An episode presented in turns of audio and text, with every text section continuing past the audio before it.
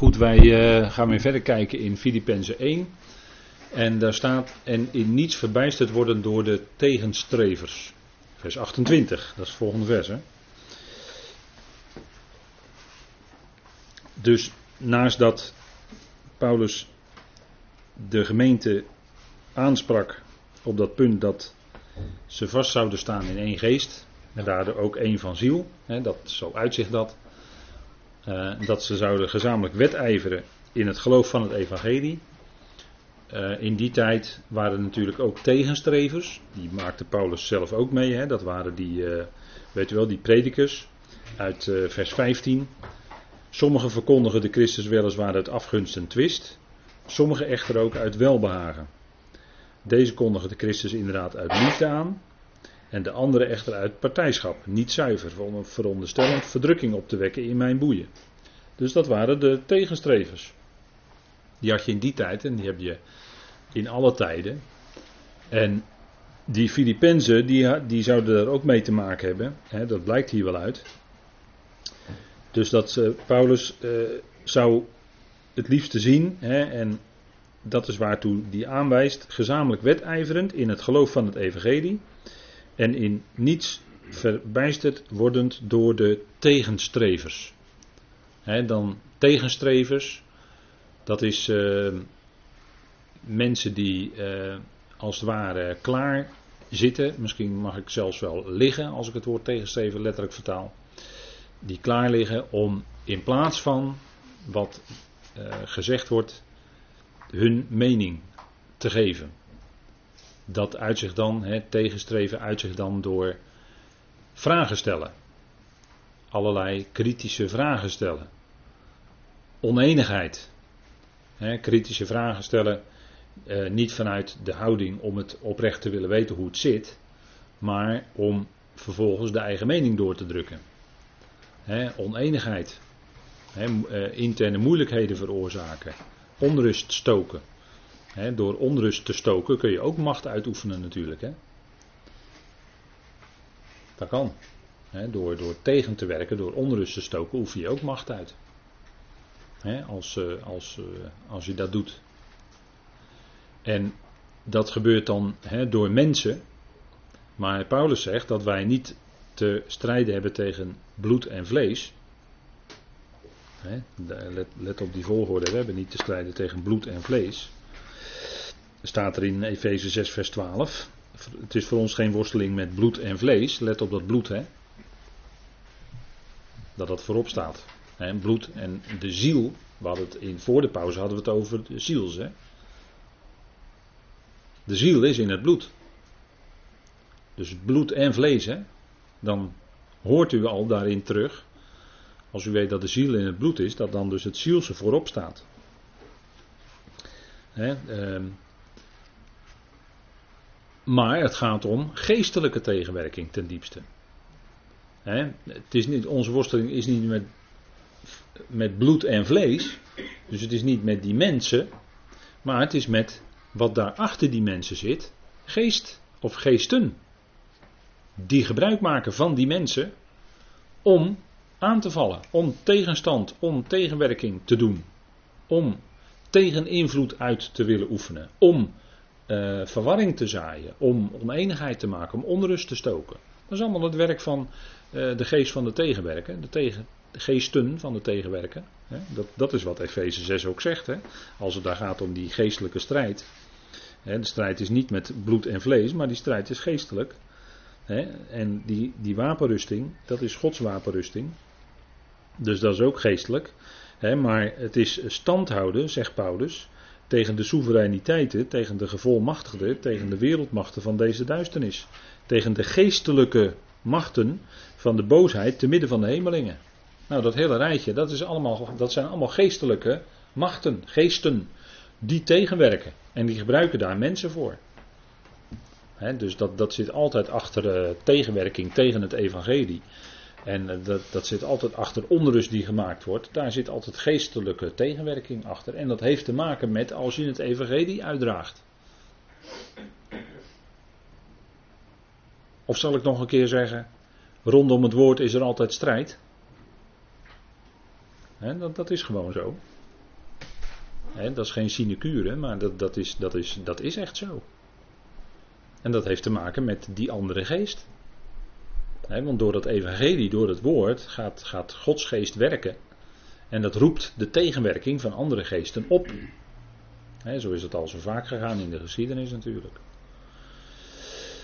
En daarom zegt uh, Paulus ook in, in uh, Korinthe, in Korinthe 6, dat uh, 1, 1 Korinthe 16, vers, vers 9 is dat. Laat maar even opzoeken. Dan kunt u dat ook bevestigd zien in de schrift. Maar u weet dat wel, hè? Want u weet nog uh, dat Paulus die verkondigde in Efeze, weet u wel, uh, Handelingen 19, Efeze. Hij verkondigde daar en die verkondiging droeg vrucht. En prompt kwam er, kwam er oproer, hè? Kwam er die, uh, diegene die riep van, ja, ze zijn dienstknechten van de Allerhoogste God, weet u wel, van Zeus enzovoort, verwees ze dan naar, hè? Prompt kreeg je dat. Prompt kreeg je zou ik het op zo'n Rotterdam zeggen? Prompt krijg je bonje. Of is dat meer Jiddisch? Uh, meer Jiddisch, hè, geloof ik, ja. Prompt krijg je bonje natuurlijk. maar zo gaat dat. Ook in het geestelijke bereik.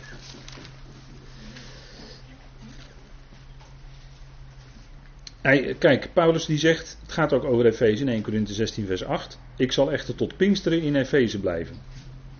Want er is voor mij een grote en krachtige deur geopend en er zijn veel tegenstanders. Ziet u het? Dus is een deur, krachtige deur geopend voor het woord, voor het evangelie. En er zijn veel tegenstanders. Ziet u dat dat gelijk opgaat? U, u leest het hier, hè? dat is niet mijn mening, maar het staat hier in 1 Corinthië 16, vers 9. Ik lees het u voor. Zo is het. Zo werkt het dus in de praktijk, hè? Dit is wat Paulus zelf ervoer en dit is wat vandaag de dag precies nog zo gaat. Er zijn veel tegenstrevers. Dat is hetzelfde woord als wat hier in Filippenzen 1, vers 28 uh, gebruikt wordt.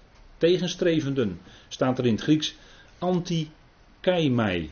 Ik laat het u maar even horen, hè, dat, dat dat er staat. dat betekent in plaats van liggen. Betekent het heel letterlijk. u kunt het opzoeken in uw stiefwoordconcordance of in uw keyword concordance en dan zult u dat keurig zo zien staan.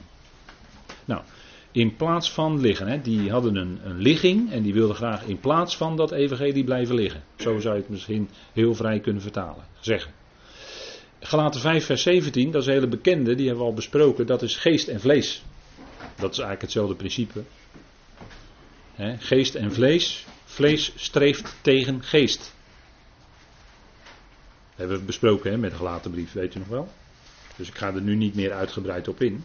Dan moet u die opnames van die Galaten 5 studie nog maar eens naluisteren. maar uh, daar staat in Galaten 5 vers 17, want het vlees begeert tegen de geest, de geest echter tegen het vlees. Deze nu staan tegenover elkaar. Eigenlijk staat daar het woord tegenstreven ook. Hè? Deze streven elkaar tegen, opdat jullie niet dat doen wat jullie ook maar willen. En dat geldt ook in het geestelijke bereik. Dat geldt niet alleen in het persoonlijk menselijke leven als gelovige, maar dat geldt ook in het gemeentelijke leven. Vlees tegen geest. Geest tegen vlees. als er strijd is, is het altijd die strijd. Want het vlees wil het woord niet en het woord werkt in tegen het vlees.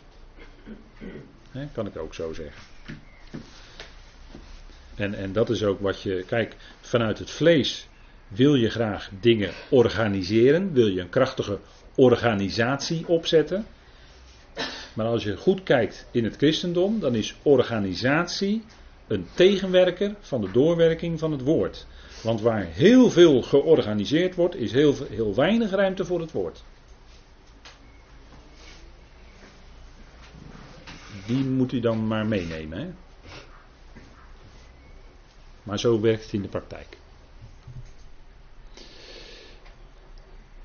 Dus dat is vlees tegenover geest. En we hebben ook nog 2 Thessalonicense 2, daar gaat het over de wetteloze. De wetteloze. En wat doet de wetteloze? Die streeft tegen al wat God of voorwerp van verering heet. Waarom? Omdat hij zichzelf in die tempel van God zal laten zetten. Om zichzelf te laten aanbidden dat hij God is.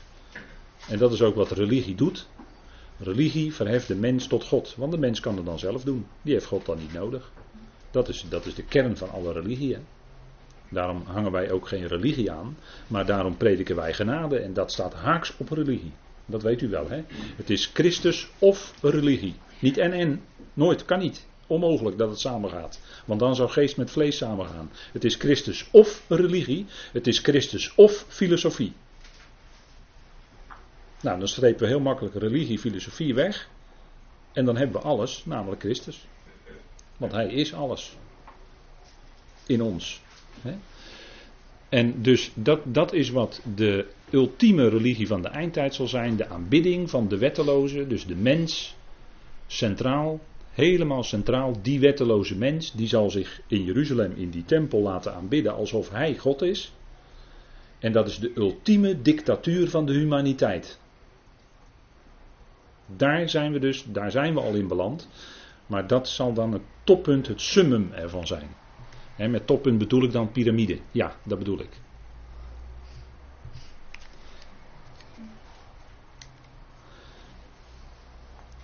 En in niets verbijsterd worden door de tegenstrevers. Kijk, tegenwind, dat heb je vaak als gelover. Hè? Of als, als, eh, als, als, als, eh, als je bezig bent met het, met het woord, heb je vaak tegenwind. Hè? Nou, dan kom je niet hard vooruit hoor. Hier op, hier op het strand, die hond, die kan niet snel vooruitkomen. Waarom? Omdat er heel harde wind staat op het strand. Hè, dan kom je niet zo ver. Nou, dat is ook met tegenstrevers. Dan, dan is er zoveel tegenstreven dat je bijna niet vooruit meer lijkt te komen. Hè, dan komt de wagen, om het zo maar te zeggen, krakend en piepend tot stilstand. Dat kan gebeuren. Het verlamt dat, is, eh, dat is bij tegenstreven. Dat is voortdurende tegenwerking. nou, tegenstrevens, hè? een aantal voorbeelden uit de Bijbel. Jannes en Jambres tegen Mozes. Wat dacht u daarvan? die worden in 2 Timotheus 3, vers 8 genoemd. die, uh, denkt u maar aan Exodus 8, vers 7. Uh, Mozes die zorgde dat er veel kikkers kwamen. De magiërs uit Egypte. En dat waren kennelijk Jannes en Jambres. Deden dat ook. Kennelijk waren die namen bekend in de overlevering, anders zou Paulus het niet weten. En dan is het aardige, of misschien wel niet aardige, dat Jannes, dat betekent uh, onderdrukking en Jambres betekent weerspannigheid. Ja? Dus onderdrukking en weerspannigheid. Dat waren de tegenstrevers van Mozes. En Mozes was door God aangesteld. Dus ze streefde eigenlijk God tegen. Hè? Want dat was ook aan de hand bij Korach, Datan en Abiram. Weet u wel, die geschiedenis uit uh, nummer 16. He, Korach, Datan en Abiram. Korach was notabene een leviet, hè? Was een leviet, hè? Korach. Nou, dat was de priesterklasse. Dus dat was een van de priesters. En die streefde Mozes tegen. En u moet dat, die geschiedenis nog eens lezen in nummer 16 dat het, wordt er twee keer voor gezegd dat ze in feite te, God tegenstreefden. Niet, niet tegen Mozes, maar hè, niet, tegen, niet tegen Aaron, niet tegen Mozes, maar tegen de Heer. Hè, zij verzetten zich tegen de Heer. Oftewel tegen degene die door de Heer daar gesteld waren. Als, als uh, degene die het volk moesten aanvoeren. Hè, dat die positie had Mozes ook zelf niet gezocht hoor. En weet u wat er dan gezegd wordt? Wij hebben genoeg van je werd tegen Mozes gezegd. Wij hebben genoeg van je.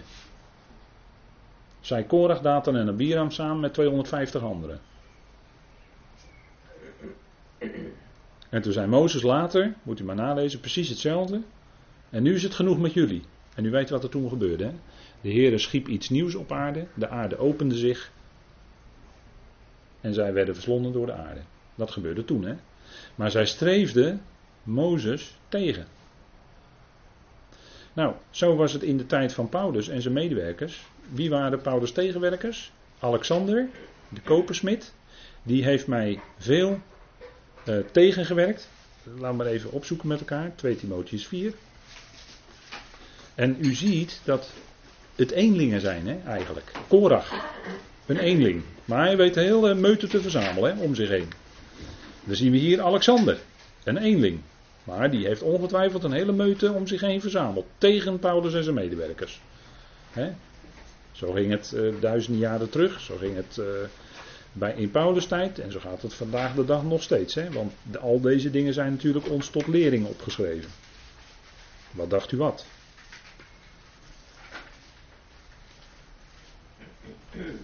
Er staat er Alexander de Koperslager, 2 Timotheus 4 vers 14, betoonde mij veel kwaad. De Heer zal hem naar zijn werken teruggeven. Dus Paulus liet het over aan de Bema. Hè? Dat woord teruggeven wijst eigenlijk in diepste zin naar de Bema. Wees ook jij op je hoede voor hem, want hij heeft onze woorden zeer weerstaan. Wat was dus het kwaad? Dat hij de woorden die Paulus sprak, heeft weerstaan. hij betoonde mij veel kwaad, zegt vers 14. En vers 15 zegt Paulus, hij heeft onze woorden zeer weerstaan. Dus de prediking, het evangelie. Dat heeft hij weerstaan. Alexander, hè, in die tijd. En dan had je ook Hymenaeus en Philetus. En die zeiden dat, dat er geen opstanding meer zou zijn. Die zeiden dat de opstanding in het verleden al had plaatsgevonden. Nou, die plaatsen dus een waarheid voor de toekomst in een hele andere tijd. En dat zou je niet doen hoor. Je moet de waarheid laten staan voor de tijd waarvoor het bedoeld is. Doe je het niet, dan veroorzaak je verwarring. Op zijn zachtst gezegd. En ontneem je dus de waarheid aan de mensen. Er waren in de tijd van Paulus ook wettische predikers, gelaten brief, en die keerden zich tegen het evangelie van de genade. En dat zei deze misschien wel met hele mooie woorden. maar dan, dan zal het ongetwijfeld zo gegaan zijn van ja, wat Paulus zegt allemaal, is heel fijn, dat is allemaal waar, komma, maar. En dan komt de aanvulling, dan komt de wet. Of dan komen de regels, of de inzettingen, of het zou toch ook goed zijn dat, enzovoort. En dan wordt, komt, men met regels en, en noem maar alles maar op. En dat zijn dus wettische predikers, en die ontnemen, die nemen dan de genade weg. Want het is of genade, of niet, of, of je hebt geen genade. want zodra er een klein flintertje eigen werken van de mens bij komt, is het al geen genade meer. Dus wettische predikers in de tijd van Paulus, die verzetten zich tegen het evangelie van de genade.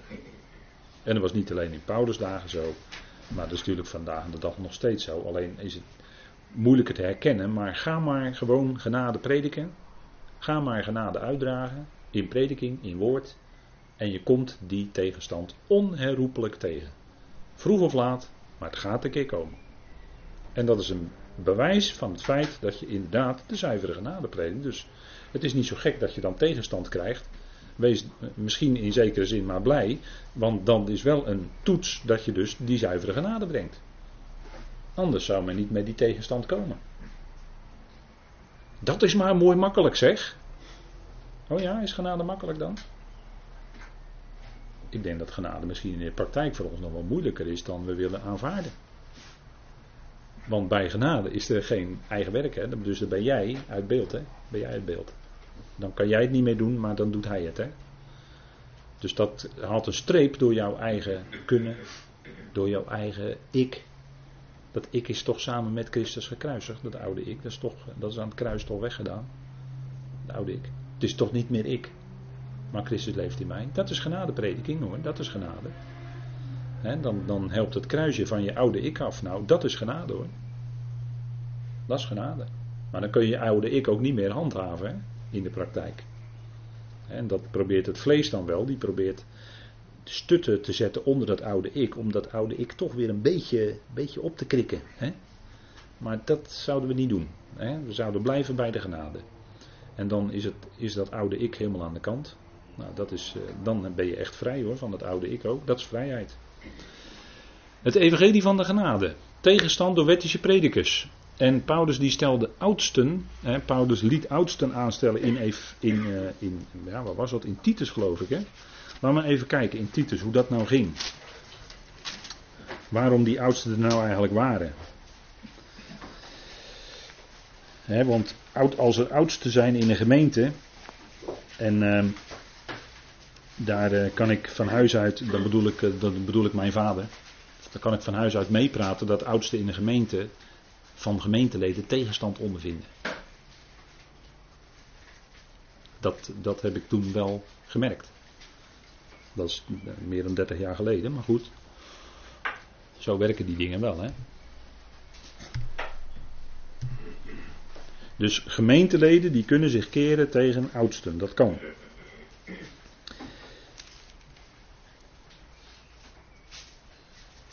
Paulus zegt dan in Titus 1, vers 5: Om die reden heb ik je op Kreta achtergelaten, zegt hij tegen Titus, opdat je verder in orde zou brengen wat ontbrak.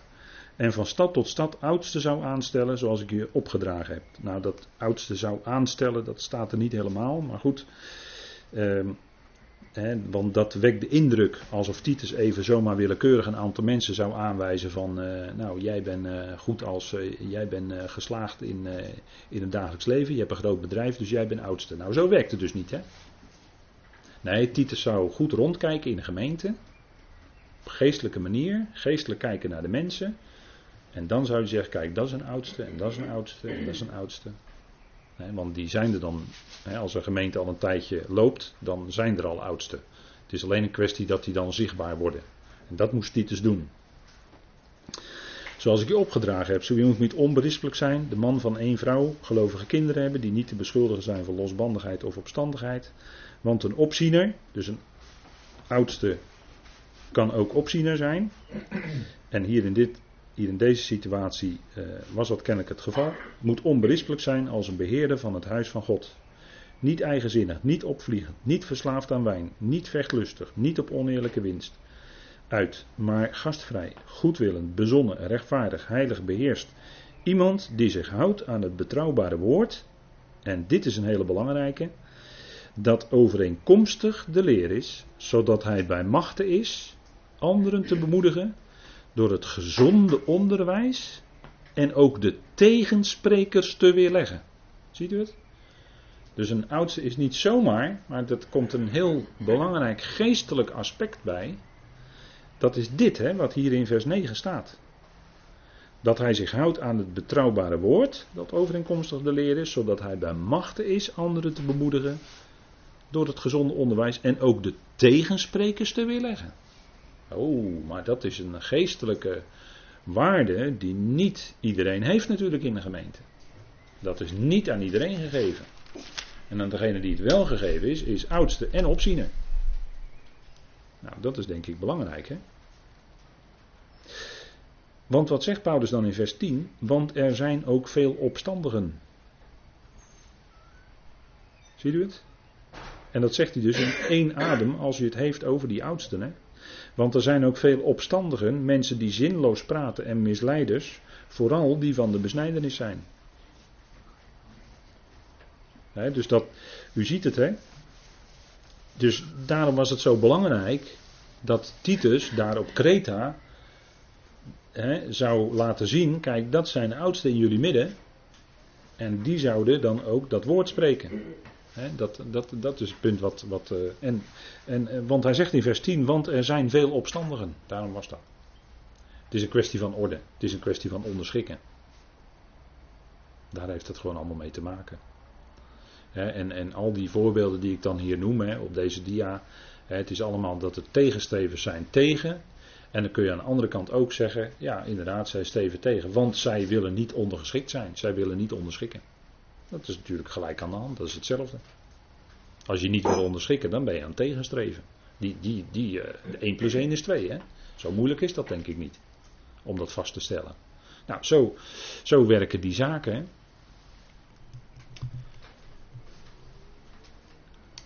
En kijk, wat dan gebeurt is. Dan zegt Paulus: kijk, wat voor hen een bewijs van ondergang is. Want wat is dan aan de hand bij die tegenstrevers? Nou, ondergang. Dat is ondergang. Wat, wat gaat er dan precies onder? Nou, een geloof. het woord ondergang, dat is het Griekse woord apoleia. Dat wordt ook wel eens vertaald met verloren gaan. Of omkomen. Maar dat betekent letterlijk, dat woord ondergang betekent letterlijk vanaf geheel losmaking. En dan zit het in, in dat geheel losmaking. Wat gebeurt er als in een, want de gemeente wordt ook voorgesteld als een tempel, hè, als een gebouw. De gemeente wordt vergeleken met een gebouw, met een tempel, waarin opbouw zou zijn.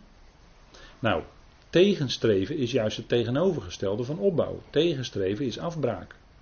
Dat is dus ondergang. Dat betekent dat je alles losser maakt. En dat de zaak dus gaat verbrokkelen. Dat is het punt, hè? Dat is die ondergang.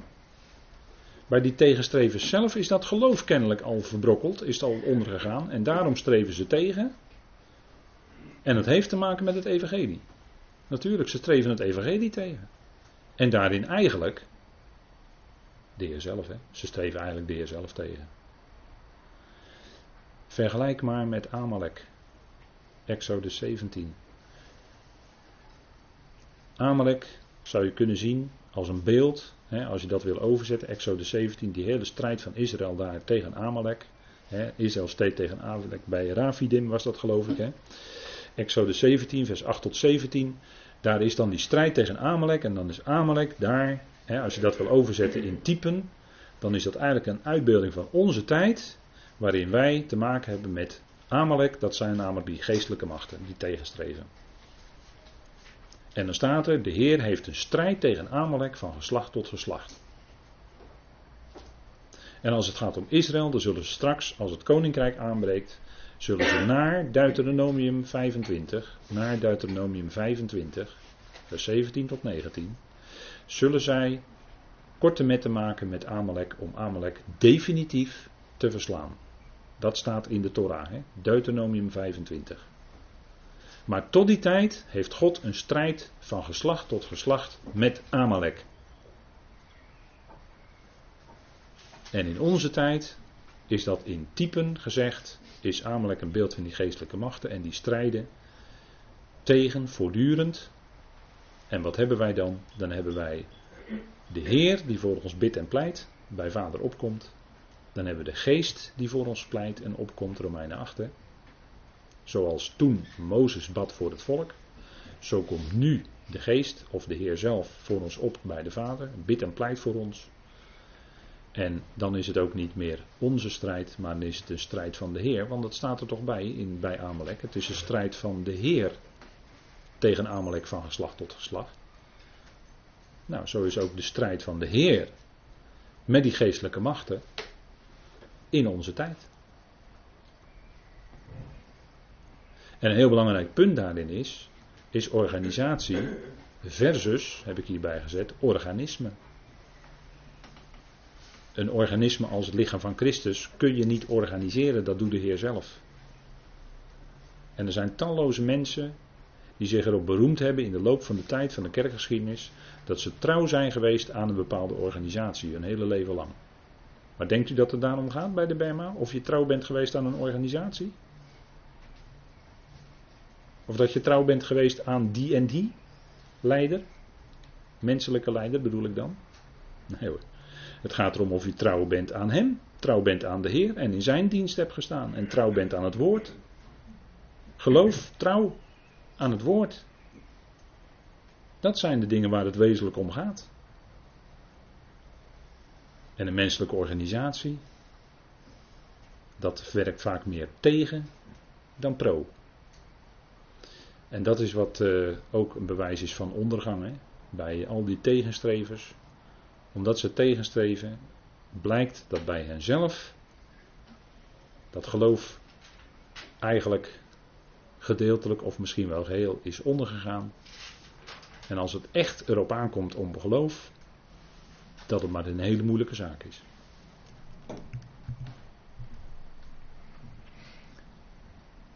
En wil ik afsluiten vanavond met de redding. Voor jullie echter redding.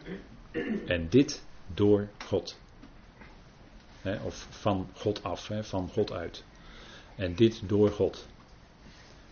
Zoals Paulus gered werd uit die schipbreuk met 276 uh, eh, drenkelingen, hè, opvarenden. Ze werden allemaal gered, 276. Ze kwamen allemaal aan land, zoals Paulus gezegd had. Zo is onze redding dat we bewaard worden in het woord. Bewaard worden in het evangelie. want verloren gaan of ondergaan hier heeft natuurlijk alles te maken met het evangelie van Paulus. Het is het woord wat hij mocht brengen. Dat werd tegengewerkt, dat werd tegengestreefd. En, en de redding is dan dat we bewaard worden in dat evangelie van Paulus. De genade. Dat we in blijven in die vrijheid in Christus. Dat is wat ik u toebid. Wat, wat we elkaar voor elkaar kunnen bidden. Dat we blijven bij die genade. Dat we dat woord van genade, dat we, dat, hè, dat we daarbij blijven. En dat we dat niet verkwanselen in ons midden. Dat is denk ik heel belangrijk. En, en zoals Paulus gered aan land kwam daar met al die anderen. Natuurlijk, dat is een prachtig, prachtig beeld van uiteindelijk de bazuin. Dat we allemaal behouden bij de Heer zullen zijn als de bazuin klinkt. Natuurlijk, dat is het. Maar wat is het geweldig als we nu ook gered worden in dat woord. Hè? En dat is uh, een bewaring die de Heer geeft en waarvoor we de Heer kunnen danken. Tot zover uh, voor vanavond.